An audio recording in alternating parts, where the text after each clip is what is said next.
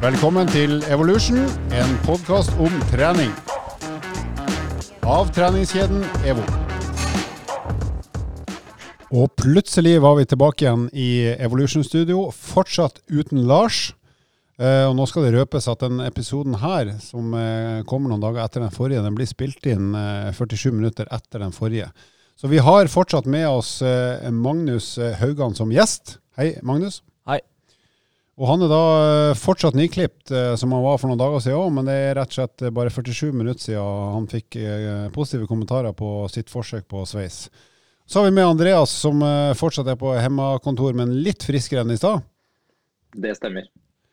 Eh, og siden du fortsatt ikke er i kanonform, Andreas, kan du fortelle oss som bryr oss om deg, hva er det du gjør for å, sånn treningsmessig eller bevegelsesmessig, i den her eh, fasen fra å ha vært så sjuk at du må ta det helt med ro, eh, til du kommer på et nivå formmessig og helsemessig der du kan trene for fullt? Hva er opptrappinga? Ja. Det er noen sånne enkle føringer som, eh, som er lette å, å følge, og som jeg også har brukt for en del eh, PT-kunder. Og det er at Hvis du har feber, da er det bare å avstå. Trening og feber eh, det hører ikke sammen. Feber er jo et veldig tydelig tegn på at uh, du har et eller annet ganske stort problem for kroppen, som kroppen bruker mye energi på å løse. Men idet du er ferdig med feber, da begynner det å åpne seg noen muligheter. Og um, Det man egentlig kan gjøre da, det er jo å vurdere er det fra halsen og opp, altså at det er luftveiene. Mentalt, er altså. Mentalt. ja, mentalt. Nei, Hvis det er fra halsen opp, så, så bør du avstå fra utholdenhetstrening, altså kondisjonstrening. Så det er veldig dumt å drive og trene veldig tøff eh, kondisjonstrening hvis det er luftveisproblemer du har. Men i utgangspunktet så kan du både gå litt tur, du kan også kanskje trene litt rolig styrketrening. Hvis ikke det er veldig håpløst for deg. Mens hvis det er da problemer fra halsen og ned, så må du jo vurdere hvilke øvelser som eh, passer. Men i utgangspunktet så er jo ikke intensiteten et problem der. Så det er en sånn enkel måte å gradere muligheten for å trene når man er skada eller syk. Da. Når du da eh, går tur, for det er jo det du gjør i og med at du da i den eh, opptrappingsfasen, går du da med barnevogn? Ja, det er det jeg gjør. Så det er tvungen tur. Kan jeg da spørre to eh, oppfølgingsspørsmål. Er den barnevogna kjøpt ny eller brukt, og sånn cirka hva slags prisklasse snakker vi om? Nei, altså er ikke det likt for absolutt alle. Du drar på Barnas hus, ser en ny barnevogn, står der med ei dame som skal ha sitt første barn.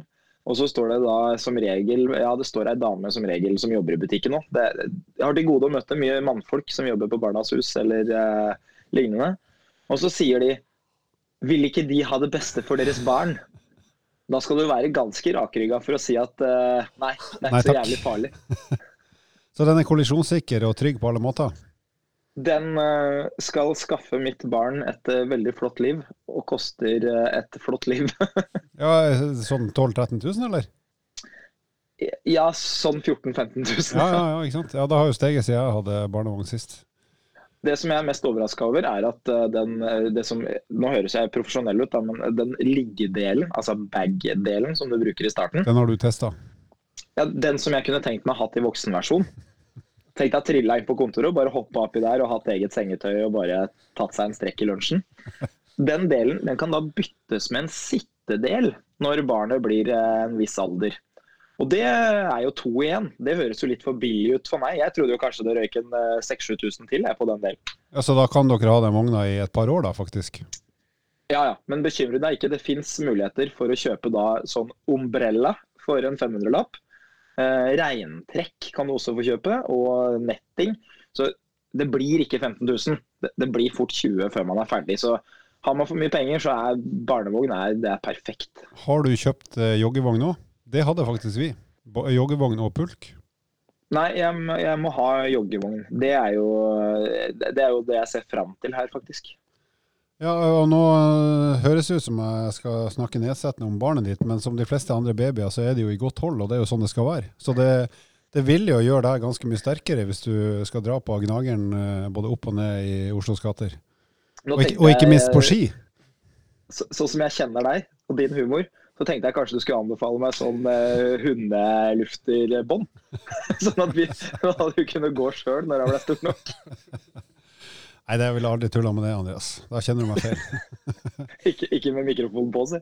Og nå har vi jo, eh, nå blir det mye barneprat her, og det får vi bare beklage, men sånn er det. Så da eh, skal jeg dra til med litt uh, humor fra min egen sønn. I hvert fall sannsynligvis min egen sønn. Han har laga en egen gåtevits som i hvert fall jeg syns var morsom, så jeg skal prøve den nå i studio. Så kan dere som lytter på ha meg unnskyld hvis den er for dårlig. men hans eh, spørsmål til de fleste som kommer inn i huset vårt uh, for første gang, eller som man ikke har sett på en stund, det er hvor mange K-er er det i kokk? Altså ordet kokk.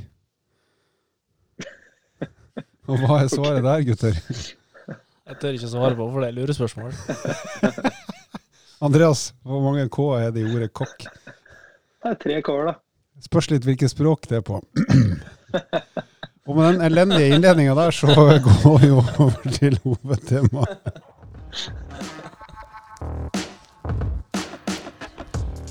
Ja, det er godt å høre at uh, gåtevitsen uh, satt akkurat såpass som man skulle gjøre. Uh, det vi skal snakke om i dag, det er trening for økt muskelvekst og styrke. for det er ikke til å stikke under verken stoler, bord, sofa eller annet møblement at uh, de aller fleste som trener styrke på ulike nivåer, gjør det jo enten for at de har lyst til å bli sterkere og eller større, altså øke muskelmassen. Uh, så da skal vi prøve å uh, si litt om forskjellen på de to, altså trening for å bli primært sterkere og trening for å bli primært større, og så litt hvordan du kan kombinere det. Så hvis vi begynner da med hva er liksom hovedprinsippene hvis målet ditt til deg som lytter på, er å bli sterkest mulig, altså ikke nødvendigvis få størst mulig muskelmasse, men du ønsker å bli sterkest mulig, og da er det i gitte bevegelser og øvelser. Hva slags prinsipper er det man skal trene etter da? Ja, det er et godt spørsmål. Det er jo nesten takk, som alltid vi, alltid vi starter med, jo it depends. Uh, men uh, det i hvert fall går ut ifra, hvis noen ønsker å bli større eller sterkere, så går jeg nesten alltid ut ifra uh, altså intensitet, volumet og frekvensen. Og så tilpasser jeg på en måte det til utøveren. Og du har ganske mye treningsprinsipp der ute, som variasjon og kontinuitet og alt det der, som er kjempeviktig. men vi ser nok nå at intensitet, frekvens og volum er ekstremt avgjørende for å både bli sterkere eller større. Ja, det er som, eh, som Magnus sier, at um, det viktigste er at noe må bli tyngre i snitt over tid. For uh, kroppen den lever i utgangspunktet på etterskudd hele tida. Altså du får muskler fordi du trenger mer muskler, basert på at kroppen tror at det kommer en tøffere oppgave en eller annen gang i fremtida. Men hvis den oppgaven ikke kommer, altså si at du har trent i ett år og så plutselig dropper du ut, så vil musklene bli borte. Fordi det kommer ingen eh, oppgave som kroppen trenger å frykte. Så Derfor så eh, blir på en måte jobben for å skape muskler det er hele tida å sørge for at noe blir tyngre, i snitt over tid. Og Hvis vi da skal si veldig grovt, da, for nå vi forenkle litt, da, men hvis målet i utgangspunktet er å bli sterkere enn det du er i dag, uh, uansett nivå, så vil jo den type trening preges av veldig tunge løft, altså ut fra ditt eget nivå. Tunge løft og lange pauser. Og når det er såpass tunge løft, så vil jo de seriene du har i en f.eks. en benkpress eller knebøy, det vil jo ikke være 15-20 repetisjoner, men det vil være serier på i hvert fall i de hovedøvelsene du skal være god i, kanskje fire til seks repetisjoner før du tar pause. Altså så tunge løft at du er nødt til å ta pause etter veldig få repetisjoner. Så det kan være en sånn grov øh, hovedregel hvis du trener for å primært bli sterkere i enkelte øvelser. Men hvis målet er primært å bli større i muskulaturen, ikke nødvendigvis å løfte flere kilo i knebøy, benkpress eller andre øvelser. Hva er det som gjelder da, hvis vi nå har sagt at vi må løfte veldig tungt og ganske få repetisjoner med ganske lange pauser? Med lange pauser så tenker jeg på fort opp mot i hvert fall to-tre minutter. Hva er da prinsippene eh, for å få større muskelmasse, primært? Det var jo i hvert fall sånn før at man trodde at uh, skulle du bli sterkere, så si at du måtte gjøre én til fem repetisjoner. Hvis du skulle bli større, så måtte du gjøre alt fra åtte oppover det kan man nok si har blitt ganske lagt på is nå. Og at vi ser at på størrelsen på muskelen kan skje gjennom alle repetisjonsantall. Mens hvis du blir sterkere, så er det som du sier, at da må du trene, trene tungt.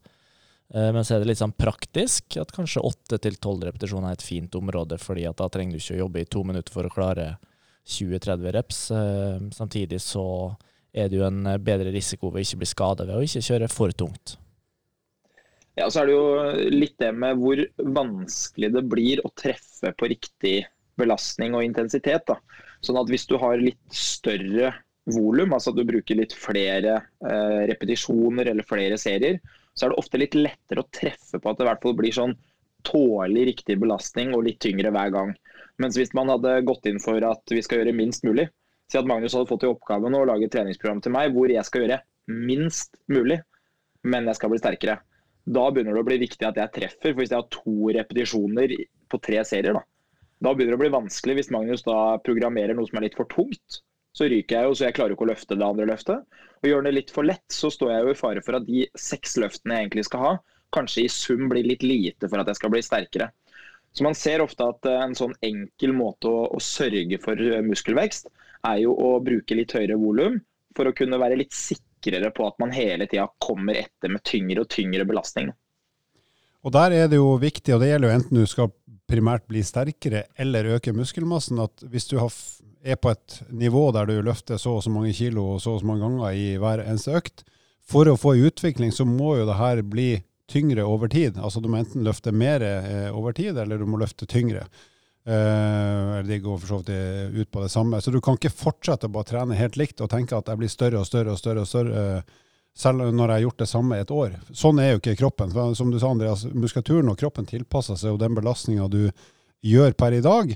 Sånn at neste gang du kommer på økta, så skal du i hvert fall være i stand til å gjøre det du gjorde sist, og kanskje til og med litt bedre rusta. Men hvis du da bare fortsetter å gjøre akkurat det samme i mange måneder, så skjer det jo ikke noe utvikling. Da blir det rett og slett en stabilisering av den muskelmassen og den muskelstyrken du har. Så du er nødt til å da sørge for at du har en utvikling som gjør at belastninga blir større, sånn at du kan bli enten sterkere og eller større. Så det er jo det mm, progresjonsprinsippet vi hele tida må tenke på. Så Det betyr ikke at hver eneste økt må være tyngre enn før, men over tid, over f.eks si en seksmånedersperiode, så ville jeg i hvert fall vurdert å øke belastninga kanskje månedlig med noen små trinn, for å være sikker på at nå utsetter jeg muskulaturen min for en større belastning enn jeg har gjort før, så nå er nødt til å svare med å bli sterkere og eller større. Sånn uh, Hovedsakelig da, så har man jo, uh, hvis man skal gjøre det litt enkelt, så har man fem ulike måter å regulere uh, progresjonen på, som sørger for at noe blir tyngre. Og da er Det jo, det enkleste er jo antall økter. De fleste som trener to dager i uka, kan trene tre dager i uka. Da blir du bedre trent hvis du trener en, en viss periode. Eh, og så Hvis man går ned på detaljnivå, så kunne man hatt flere serier. Altså at man i dag kanskje har en treningsøkt hvor eh, antallet serier i benkpress, knebøy, markløft er tre. Så kunne man da dra det opp til fire neste gang. Da gjør du noe som er tøffere. Og Så kan man jo da gå ned på repetisjoner, altså at man da strekker repetisjonsantallet litt. Si at man da har eh, fem repetisjoner i dag, mens neste gang har man seks repetisjoner. Og Så kan man også begynne å kødde med hastighet, sånn at man kan da ta i mer. Si at jeg skal møte opp og kjøre knebøy og benkpress, men jeg skal ikke gjøre det kontrollert. Jeg skal ta i alt jeg kan. Så vil det egentlig være tøffere for kroppen. Det eneste som vil være vanskelig da, er å gjøre det enda tøffere neste gang. For der er det, det er vanskelig å, å, styre. Så det er noe man kan gjøre av og til, men det er veldig sjelden å legge opp et treningsprogram etter det. Og det siste, som kanskje ikke er det man har mest fokus på, det er pausene. Så det går egentlig an å trene akkurat den samme treningsøkta, den samme planen, den samme ukesplanen, og så bare regulere pausene. Hvis jeg hadde stjålet 15 sekunder av alle pausene i treningsøkta til den som trener, så ville det vært mye tyngre. Og Derfor så blir også styrketrening litt innvikla for de fleste, fordi det handler om erfaring. Det er veldig lett å bare bytte på noe i en sånn plan som gjør at det blir fryktelig vanskelig å ha kontroll.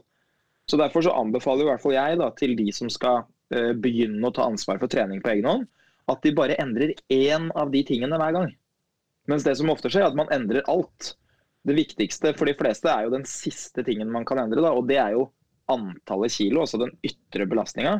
Og det er ofte den tingen vi kødder mest med.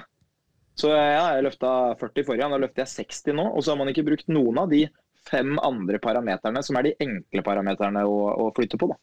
Apropos det med pause, som du snakka om, altså pause mellom øvelser eller, eller serier sett, så, så, vil jeg jo si at for de aller fleste som primært eh, trener styrke for å bli sterkere, så vil jeg anbefale å prøve å gjøre sånn økt der, altså der du har øvelser der du løfter få, men veldig tunge repetisjoner. Altså prøv å strekke pausen til helt opp mot tre minutter, selv om det kan oppleves som helt meningsløst å bare sitte og vente i tre minutter. Men jeg tror de fleste vil få en aha-opplevelse og se at oi, hvor mye mer trøkk de har i de tunge øvelsene, hvis de innvilger seg sjøl i hvert fall to og et halvt, tre minutter pause, kontra det ene minuttet som de fleste av oss gjør for at vi, har, vi skal få gjort ganske mye på kort tid. Men, men prøv å kjenne den forskjellen på egen kropp. Hvis du unner deg litt lengre pause, så vil du oppdage at du får trykka ut ganske mye mer i serie to, tre og fire. Men eh, hvis vi går over til kroppen vår da, og, og muskelgrupper, er det generelt eh, noe man kan si om Er det noen muskelgrupper som er vanskeligere å trene, eller lettere å trene enn andre? Altså, type, er det noe forskjell på overkroppen vår og, og underekstremitetene i forhold til respons? Sånn generelt så, så, er det det. Eh, man kan si at det tar litt lengre tid på beina enn overkroppen. Og enkle, det enkle svaret der er da volumet. Vi går på beina hele tida, vi bruker beina. Derfor er det mest sannsynlig sånn at vi tror at da krever det mer volum for å utvikle dem, i motsetning til overkroppen. Ser vi også på muskelfiber, så er det jo flere raske og kraftfulle muskelfiber i overkroppen enn under kroppen, og de responderer jo bedre til styrketrening. Så det er i hvert fall to ganske enkle svar på, på det spørsmålet. Ja, og det, jeg husker annet ei som heter Therese Fostervold, dyktig eh, ernæringsfysiolog, og for så vidt hun har jo drevet med styrkeløft og kan mye om trening.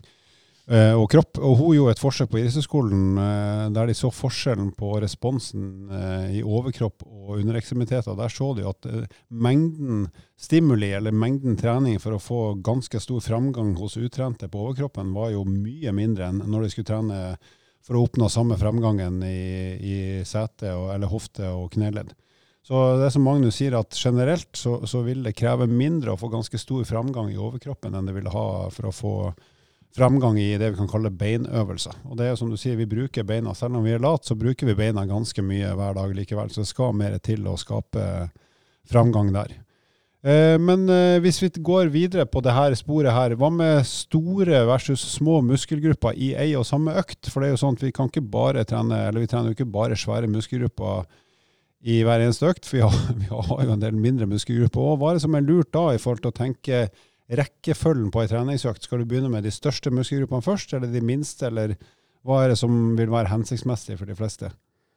Nei, Vi starter jo som regel med de store muskelgruppene og store base, baseøvelsene. Eh, det kommer nok egentlig bare fordi at de krever mer energi.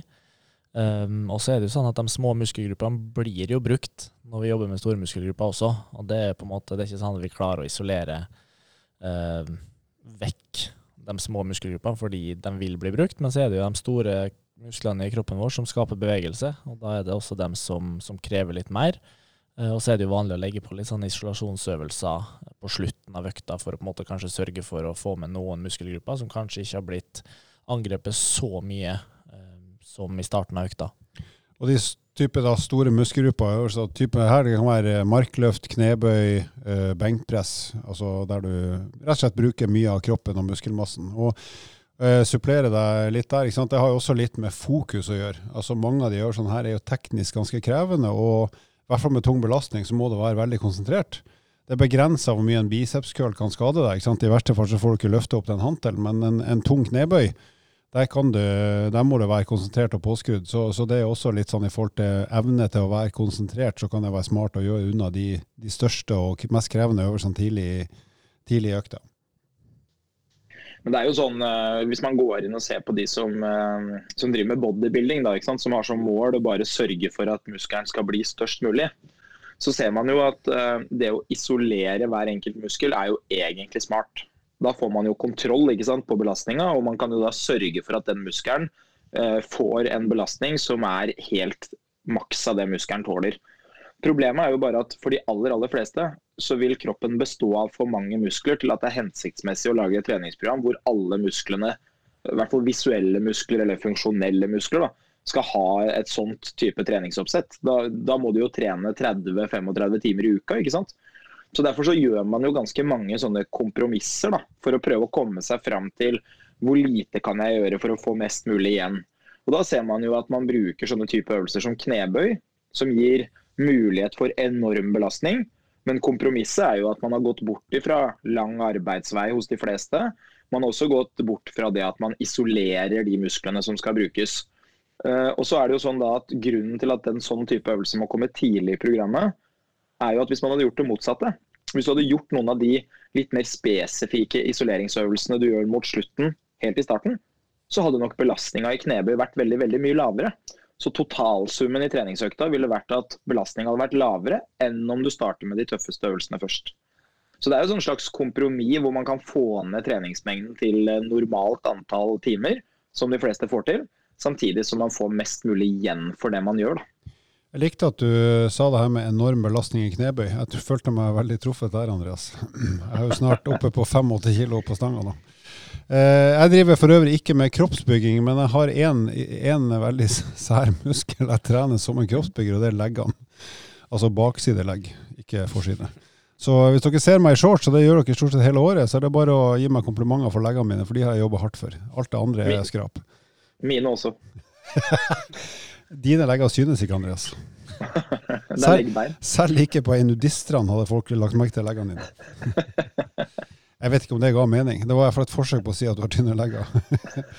Men eh, hva med forskjell på kvinner og menn? Er det, noe, er det noe grunn til å tenke at damer har dårligere respons eh, på styrketrening enn mannfolk, eller vice versa? Eller er det likt? Eh, vi sier det er likt, og det er i hvert fall det vi ser nå. Grunnen til at det er forskjell i absolutt styrke, er det som skjer i tidlig alder når det er pubertet. Da utvikler menn mer muskelmasse. Men ser man igjen på relativ utvikling i de senere åra, så er, kan begge kjønn få lik fremgang. Ja, Så i prosent ut fra et utgangspunkt, når du er voksen da, eller ferdig utvokst, så vil du i prosent kunne bli like mange prosent sterkere enten du er kvinne eller mann. Ja. Mm.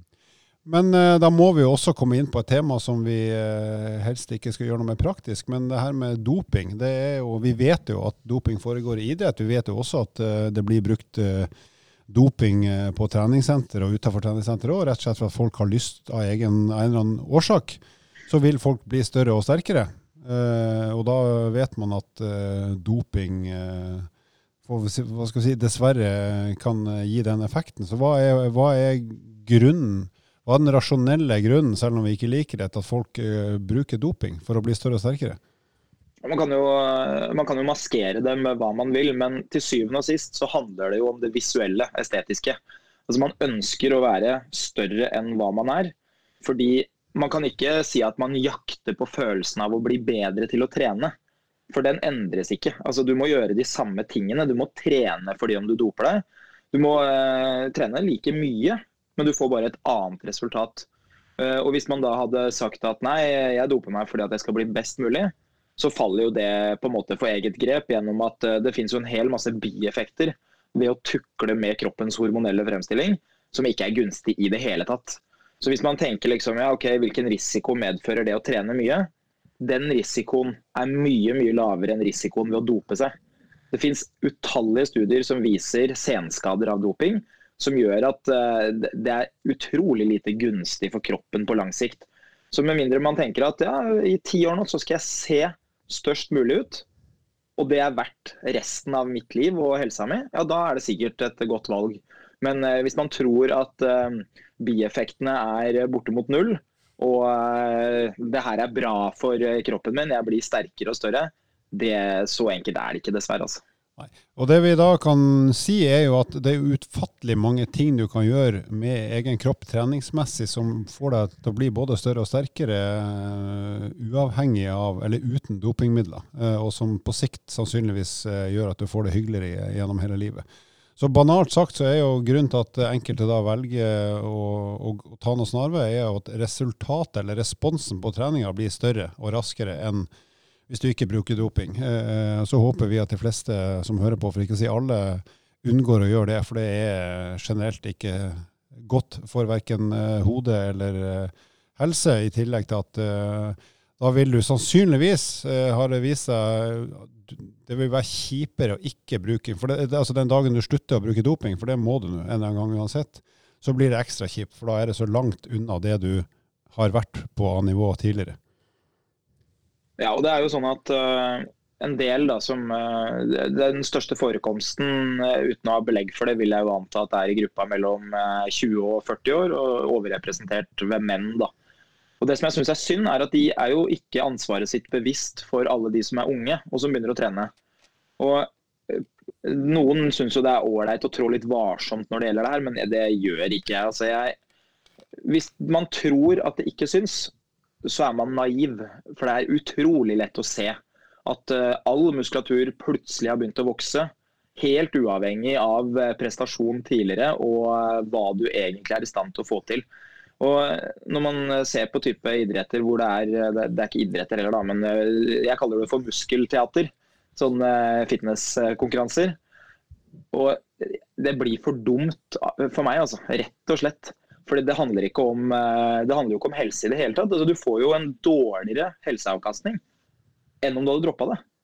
Så det, det, er jo veldig sånn rart at man syns det er ålreit. Og da når man i tillegg kødder med hvordan unge mennesker tror at uh, trening påvirker kroppen, da, da jeg syns rett og slett det er litt sånn Det, det er flaut da, å observere. Så, og mange ganger så har jeg også prata med folk som, uh, som bruker doping, og som skal forsvare hvorfor det er trygt å gjøre det. Og det, For meg det, det blir så dumt at uh, de diskusjonene klarer jeg ikke å være med på engang. så du, du har aldri latt deg overbevise av eh, de diskusjonspartnerne du har møtt her? altså jeg, jeg, bruker et eksempel, og det er eksempelet hvor de som ønsker å legalisere f.eks. hasj, bruker virkningene til alkohol som da gode argumenter. Hvor jeg alltid svarer at jeg har drukket såpass mye alkohol at det hadde vært bedre å forby alkohol enn å legitimere noe annet. Og Det mener jeg jo det samme her. at jeg, Det er så mange studier som viser at, at doping er så lite gunstig både for hodet ditt og for kroppen din at det fins ingen argument for. Bortsett fra at det er jævlig viktig for meg å se stor og sterk ut. Derfor tar jeg risikoen. Hvis du hadde turt å gått rundt med den plakaten på 17. mai i Karl Johan, da skal du få lov. I bunad. I bunad. En litt, en, litt, en litt, trang bunad, kanskje avklipte armer. Yes, nei, Så hold dere unna doping, folkens. Eh, la oss gå videre her og se på andre varianter i forhold til det å bli større og sterkere. Eh, kosthold, altså det vi spiser døgnet rundt, eh, det vil jo også kunne ha påvirkning på resultatet av den treningsinnsatsen vi legger inn. Hva slags elementer er det vi kan formidle til lytterne der som kan bidra til at du kan bli både større og sterkere sånn kostholdsmessig? Er det noen prinsipper som, som bør ligge til grunn for de fleste? Prinsippet er jo kalorioverskudd. Og det er jo viktig fordi at vi må tilføre kroppen energi, så den da kan, kan fortsette å bygge den muskulaturen som faktisk først er brutt ned. Um, og, og, det er da over tid igjen, som vi har sagt ganske mange ganger, kontinuitet i da overskudd og trening, det vil påføre gode resultater. Um, så, så, overskudd av kostholdet er absolutt viktig, og da karbohydrater, protein og, og, fett. Og så er det jo mange hva skal vi si, uh, ulike meninger om hvor mye protein man trenger. For muskulatur er jo, uh, der er jo protein viktig. Altså, uh, muskulatur er stort sett protein og vann. Så vi er nødt til å ha eh, tilstrekkelig tilgang på protein for å kunne bygge de musklene til å bli større og sterkere enn det de var i går. Så eh, hvis vi skal indikere et sånn generelt eh, proteinbehov, så er det jo Statens ernæringsråd som sier at ca. 1 gram per kilo kroppsvekt er en, et utgangspunkt. Og så kan jo jeg tenke og si at siden vi her snakker om å bli større og sterkere, og kanskje at du også må øke energiinntaket totalt sett, så vil jeg kanskje mene at 1,2 til 1,4 gram protein per kilo kroppsvekt kan være fornuftig hvis du som hører på trener for å bli større og sterkere, og for å sikre da at du har nok proteintilgang til at det faktisk skal være mulig i forhold til den treningsinnsatsen du legger inn. Ja, enig i det. Og man ser nok det at det, det skjer nok ikke noe mer hvis du går over 1,5 til 1,6 eh, gram protein per kilo kroppsvekt. Og da er jo oppfølgingsspørsmålet hvordan skal man få til det? Altså Hva skal jeg spise? Hva slags matvarer som har protein som, som, gjør at jeg kan bare Som jeg lett får i meg da, uten at jeg skal legge om noe spesielt kosthold? Jeg vil jo bare skyte inn det, da. At um, det som er litt utfordrende, ikke sant. Som Magnus sier, det må være kalorioverskudd. Men det som eh, mange av de som ønsker muskelvekst tenker, er jo at de skal se bra trent ut. Som da egentlig er det motsatte. ikke sant? De skal jo gjerne ta av seg det jeg kaller kjeledressen. Skal jo prøve å få av litt underhudsfett, sånn at man kan se muskelmassen. Og Det er jo ofte noe som kanskje ikke er like lett å gjøre i, i samme slengen. Så når man ser til de beste, som er veldig smart å gjøre for å finne ytterpunktet og finne liksom hva er beste løsning, så ser man at de som da f.eks. driver med bodybuilding eller fitness, da, de trener en lang periode hvor de har mer enn nok mat. Og så har de en periode hvor de da spiser lite mat og prøver å bevare muskelmassen. Mens hvis man går inn og ser på olympiske utøvere som driver med styrkeløft, som da bare har lyst på muskler, eller strongman-utøvere, så ser du at de bryr seg ikke om de har kulemage. For det ødelegger ingenting i prestasjonen. Men de må ha nok mat. Og det er jo det som er litt sånn vanskelig her. Så når vi snakker om protein, da, ikke sant? så er det sånn at det er litt vanskelig å legge seg på den middelveien hvor du da skal gå ned i vekt, men også bygge muskler. Så i en periode så kan det være greit at man rett og slett spiser litt mer av alt mulig. Men da kanskje i overvekt av de matvarene som faktisk fører til at du får i deg protein. Og Da er det jo enklest ikke sant, å kanskje velge noen typer kjøttvarer, eller velge noen meieriprodukter. Istedenfor at man ender opp med å ta masse ekstra tilskudd, som kan bli litt sånn vanskelig å justere når man på et eller annet tidspunkt skal kutte ned på inntaket igjen. Altså, så kjøtt, kjøtt, og fisk er jo bankers, ikke sant? Og det er jo noe de fleste i hvert fall spiser en gang om dagen. Enten kjøtt eller fisk. Og det er gode proteinkilder. Meieriprodukter, som du sa, Andreas. Egg.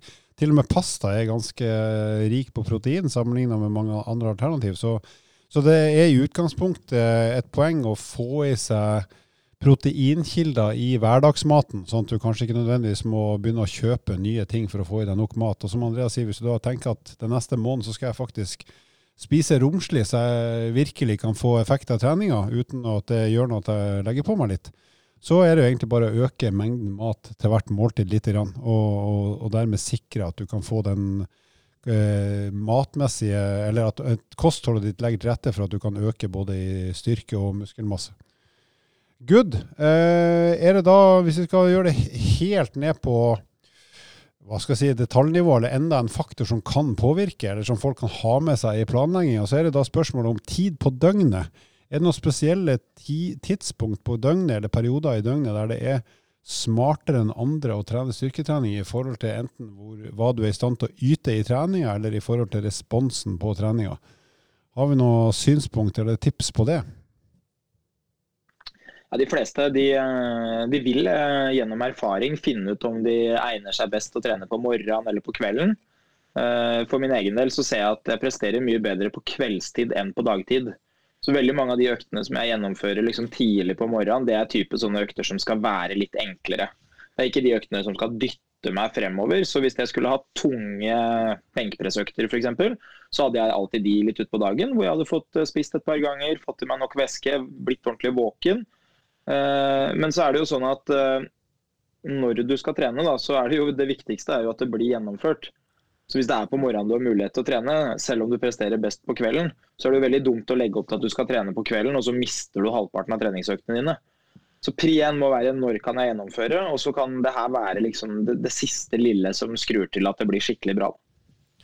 Jeg tror på en måte man er såpass tilpasningsdyktig også at uh, man kan trene på den tida man blir vant til å trene. Jeg har en del gruppetimer på CrossFit Oslo på morgenen, og da er det de samme folka som kommer klokka seks-sju. Og de har gjort det såpass lenge at de er vant, og kroppen er vant til å trene styrke på den tida. Eh, men så har du dem som kanskje må rekke den sjutimen en dag for å, for å, få tid til å trene, som du sier, Andreas.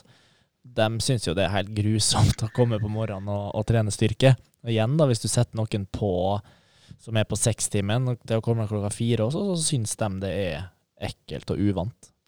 Ja, sånn, eh, Det er gjort en del forskning på det her, og det som viser seg, er jo at de aller fleste eh, i de fleste kategorier av mennesker, de, de, vil kalle prestere best på ettermiddag og kveld. Eh, og sannsynligvis så er grunnen til det det som Andreas nevnte litt i stad, at har, da har du vært våken ganske lenge. Du har fått i deg kanskje både ett og to og tre måltid du har hatt muligheten til å være godt hydrert. Altså det er på en måte enklere å ha gjort kroppen klar til å yte en god innsats på ettermiddagen enn det vil være på morgenen.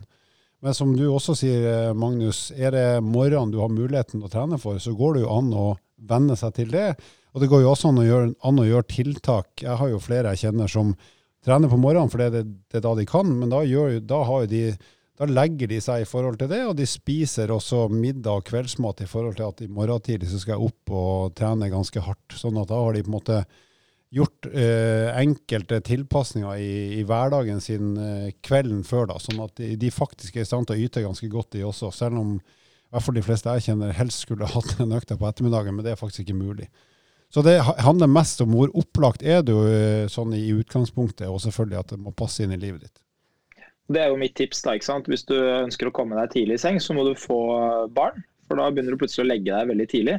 Eh, baksida er jo at du våkner mange ganger i løpet av natta, og du har jo ikke tid til å trene når du våkner på morgenen tidlig dagen etter. Så sånn sett er det kanskje ikke beste tipset, men du kommer deg tidlig i seng. Ja, og det er vel mange andre følger med det å få barn, Andreas, som du eh, bare så vidt har begynt å berøre. Som eh, vi skal få snakka mye om i årene framover, både i podkasten og ellers. Da skal vi ha en liten lyd, og så skal vi over til det som har, vi har bitt oss merke i siden sist.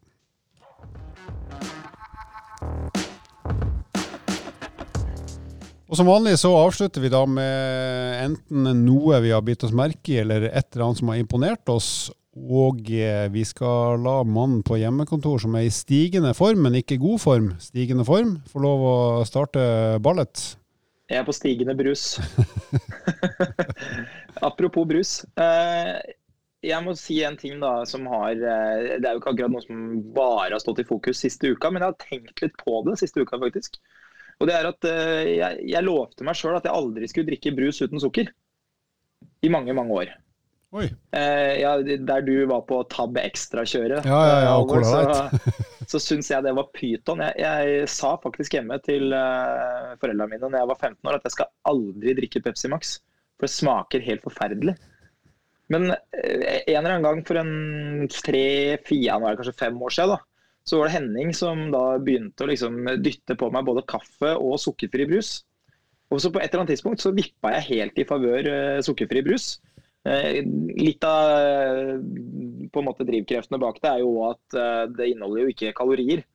Sånn at du da kan innta en høvelig mengde uten at det får følger for kroppsvekta. Det finnes jo mange andre negative bieffekter ved å velge det framfor vann, selvfølgelig, men så farlig er det ikke. Og Derfor så vil jeg jo da slå et slag for både brus uten sukker, men også sånn type fønnsaft. Mm. Altså det er, det er. Det er, det er kunstig bra, som jeg pleier å si. ja. Jeg hadde jo noen sånne prinsipper òg eh, på 90-tallet. Da hadde jeg tre ting jeg lova meg sjøl. Jeg skulle aldri gå i tights. Det har jeg brutt så det holder. Eh, jeg skulle aldri få, få meg mobiltelefon, for det var jo på den tida det ble normalisert. Det har jeg også brutt så det holder. Nå har jeg jo Dette er vel min åttende mobiltelefon. Og det siste løftet jeg ga til meg sjøl, jeg skal aldri ta solarium. Det har jeg holdt det er jo en del ting man bryter som man aldri skal tilbake til. Og uh, regelen om å ikke drikke annet enn øl fra torsdag til uh, søndag morgen, den tror jeg heller aldri kommer tilbake igjen. Mens den, den, opplevelsen i studietida tror jeg er over. Kanskje du skal begynne med å aldri drikke øl med alkohol? Kanskje jeg skal bli en sånn uh, Hva heter sånn Sånn som har OL-ringene på seg. Sånn Nei, vørterøl. Vørterøl, ja. ja, ja. Er ikke det nesten sportsdrikk, det? Ja. Det fikk, jeg, det fikk jeg når jeg gikk Holmenkollmarsjen. Jeg skulle stake Holmenkollmarsjen for fire år siden. Det var jo en ræva idé, for det klarte jeg jo ikke. for Altfor bratt og altfor dårlige løyper. Når jeg da i tillegg ble servert vørterøl etter tre mil, tre elendige mil, da holdt jeg på å klikke. For det var ikke rette medisin for å få meg opp i humør. Jeg tror Alfor Frank Hansen er på etiketten, faktisk. Hvis ikke jeg tar feil. De har, altså, Vørterøl har OL-ringene. Jeg sier ikke mer. Og Alfa Frank Hansen, eh, det er ikke bare to vanlige navn, det er to uvanlig gode roere som tok OL-gull i 1976, Montreal. Yes, Magnus, hva har du bitt deg merke i? Nei, det er dem som har imponert med mest siste uke, og egentlig generelt de siste åtte-ni ukene. Det er to fantastiske kvinner på CrossFit Oslo. Sara Hassing og Thea Granlund, så shout-out til dem. De starta jo akkurat å trene på CrossFit Oslo nå, og Dæven, for en innsats. Der er det jo grugleding til hver økt, og de ser på dagens økt og tenker det her skal jeg ikke gjennomføre.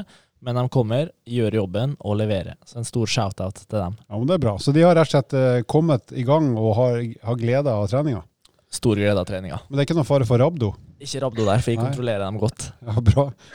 Det er godt. Eh, jeg, skal, jeg må si at jeg, jeg blir jo ofte imponert over idrettsfolk, og det er rett og slett for at jeg selv om jeg sjøl er dårlig, så skjønner jeg hvor gode de beste er, på et vis. Jeg, uh, nummer én for at jeg skjønner hvor langt unna jeg sjøl er, og jeg vet hvor mye jeg har prøvd å jobbe for å bli ganske god, og, ikke, og man er liksom ikke i nærheten. Og sykkel er jo noe jeg har holdt på med i et par år nå. Uh, og, og, de syklistene som fullførte et sykkelritt som heter Paris-Roubais, som gikk uh, for ei drøy uke siden, det er altså For gutter så er det et sykkelritt på nesten 260 km som går over um, ca. 80 km brostein, som er altså så mye risting at du ikke tror det. Og i et dritvær som ikke har vært der siden 80-tallet. Altså det var gjørme og regn og vind nesten hele veien. Og det å se at uh, syklister kan sitte og trø og trø i seks-sju timer i de elendige forholdene der, og når de kommer i mål, så har alle brun drakt. Og de, de, få, de, få, som har hatt briller på seg, de, de, kan jo på en måte Du skjønner at det er et menneske, men ellers tror du det, det bare er en sånn figur som har, har, vært på en sykkel. Men det at de kommer seg i mål og, og klarer å trø med den intensiteten i så mange timer, det må jeg si det er ekstremt imponerende, enten de blir nummer én eller ti eller 40. Eh, og så var det også gledelig, da, som en kuriositet, da, men også en gledelig kuriositet, at, at uh, for første gang så er damene med i det rittet der. Så de hadde da Paris-Roubais for damer på lørdagen, så de også fikk eh, sykla. De hadde 160 km, som er fryktelig langt det òg, med veldig, veldig mange kilometer med brostein. Så, så eh, all honnør til verdens beste syklister av begge kjønn, som, som, har den kapasiteten og ikke minst den mentale styrken til å stå på starttrekk vite at det blir gjørmehelvete i seks til sju timer, og jeg kommer til å være sliten etter et kvarters tid, og så er det bare å holde ut og holde ut og gå på trynet og punktere og allikevel bare komme seg opp igjen. Det, det, er rått. Jeg er jo eh, i utgangspunktet helt for eh, likestilling. Altså Damer må gjerne gjøre akkurat det samme som menn i alle idretter. Veldig rart at uh, på ski for eksempel, så er det jo enkelte distanser hvor menn går uh, det man kan definere som et litt langt løp, mens kvinnene nesten går en sprint f.eks. da 15 og 7,5 km. Men akkurat når det kommer til Paris-Roubais, så må jo de damene underveis den lørdagen ha tenkt Hvorfor var dette så jævlig viktig for oss? kan vi ikke ta neste år? ja, fy fader, det så helt forferdelig ut. Jeg tror, jeg tror gutta tenkte det samme òg, da. Hvorfor måtte dette utsettes? Kunne ikke vært avlyst? Altså, jeg, jeg, må, jeg, må, innrømme at i hvert fall når jeg har gått på ski, og hvis det er drittvær på start, så da begynner jeg å lete etter er det mulig at jeg kan trekke meg her uten å miste ansikt. For det er liksom, du vet at det, det blir jo bare kjipt. Uh, selv om mestringsfølelsen er helt tipp topp når du kommer i mål, så vet du at det er kanskje ikke verdt det likevel. Men husk på, de her stille, de kjører jo ritt nesten hver eneste helg, altså. Uh, begge kjønn. Uh, og det er jo ikke bare solskinnsdager. Altså det å, å klare å mentalt å gjøre det her så ofte gjennom mange, mange år, det er, ja, det er helt eksepsjonelt. Så de færreste Jeg tror mange av idrettsfolkene ha, må ha en eller annen mental evne som, som de fleste av oss andre ikke har. Og rett og slett stille opp når det er drit, og vite at det her skal jeg bare få gjort uansett. Jeg tror jo Det som er hovedforskjellen, er jo at de ikke tenker at det er en mulighet å droppe det. Så, så det er ikke et alternativ. Det, er, det, skal gjennomføres. Det er vel det som har tatt i det dit òg, tror jeg. Sannsynligvis. Og med disse bevingede ordene fra Andreas sitt hjemmekontor eh, du, du, kan få lov å si sayonara fra eh, Hvor er du bor hen, Andreas? Hva er adressen din? Eh, adressen min er Lørenvangen, 21B. Og det er omtrent midt i Oslo. Faktisk ikke så langt unna Sinsenkrysset, som veldig mange har hørt om. Det stemmer. Det er nedover til jobb, og så er det altfor mye oppover hjem fra jobb hvis det løpes. Ja, Men nå har du heldigvis hjemmekontor. Hva skal du si til lytterne helt på tampen? Game over. Sayonara. Vil du vite mer om trening, abonner på podkasten og sjekk ut vårt treningsmagasin på evo.no.